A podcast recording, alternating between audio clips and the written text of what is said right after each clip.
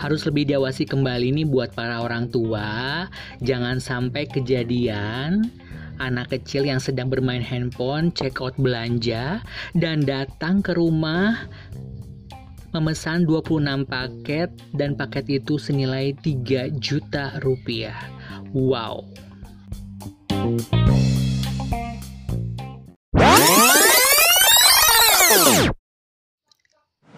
Selamat pagi, selamat siang, selamat sore, selamat malam. Balik lagi di podcast Yudi dan hari ini adalah segmen Samba satu menit bersama Yani Oktaviani yang akan melaporkan dan kasih tahu info yang sangat menarik buat kalian semua. Silakan Samba satu menit bersama Yani Oktaviani dari Logok Hangser. Oke, terima kasih. Masih di podcast Yudi barengan sama Yani Oktaviani di Samba 1 menit bareng Yani. Jangan lupa download aplikasi Anchor.fm di Play Store atau di iOS. Jadi kamu bisa luapin isi hati kamu yang lagi sedih, gundah, gulana. Cukup dengerin aja atau kita bikin podcast lalu kita share di Spotify atau di Google Podcast atau bisa juga di Apple Podcast bahkan di platform mana pun.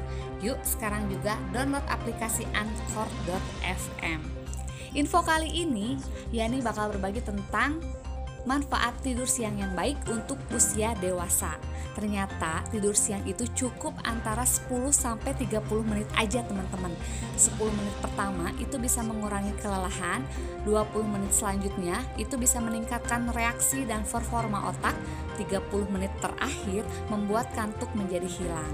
Eits, tapi jangan salah, kalau kita terlalu banyak tidur siang antara 60 sampai 90 menit akan membuat badan kita menjadi lelah dan 90 menit lebih malah kita akan merasa uring-uringan, marah-marah, e, linglung atau amnesia ringan.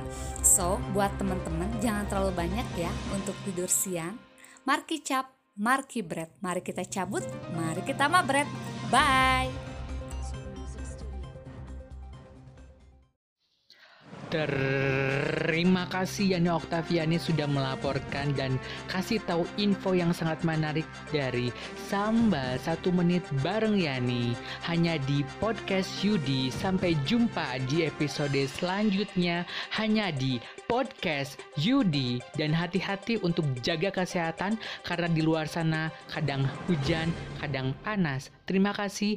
Mari cap, mari bread. Mari kita cabut, mari kita mabret.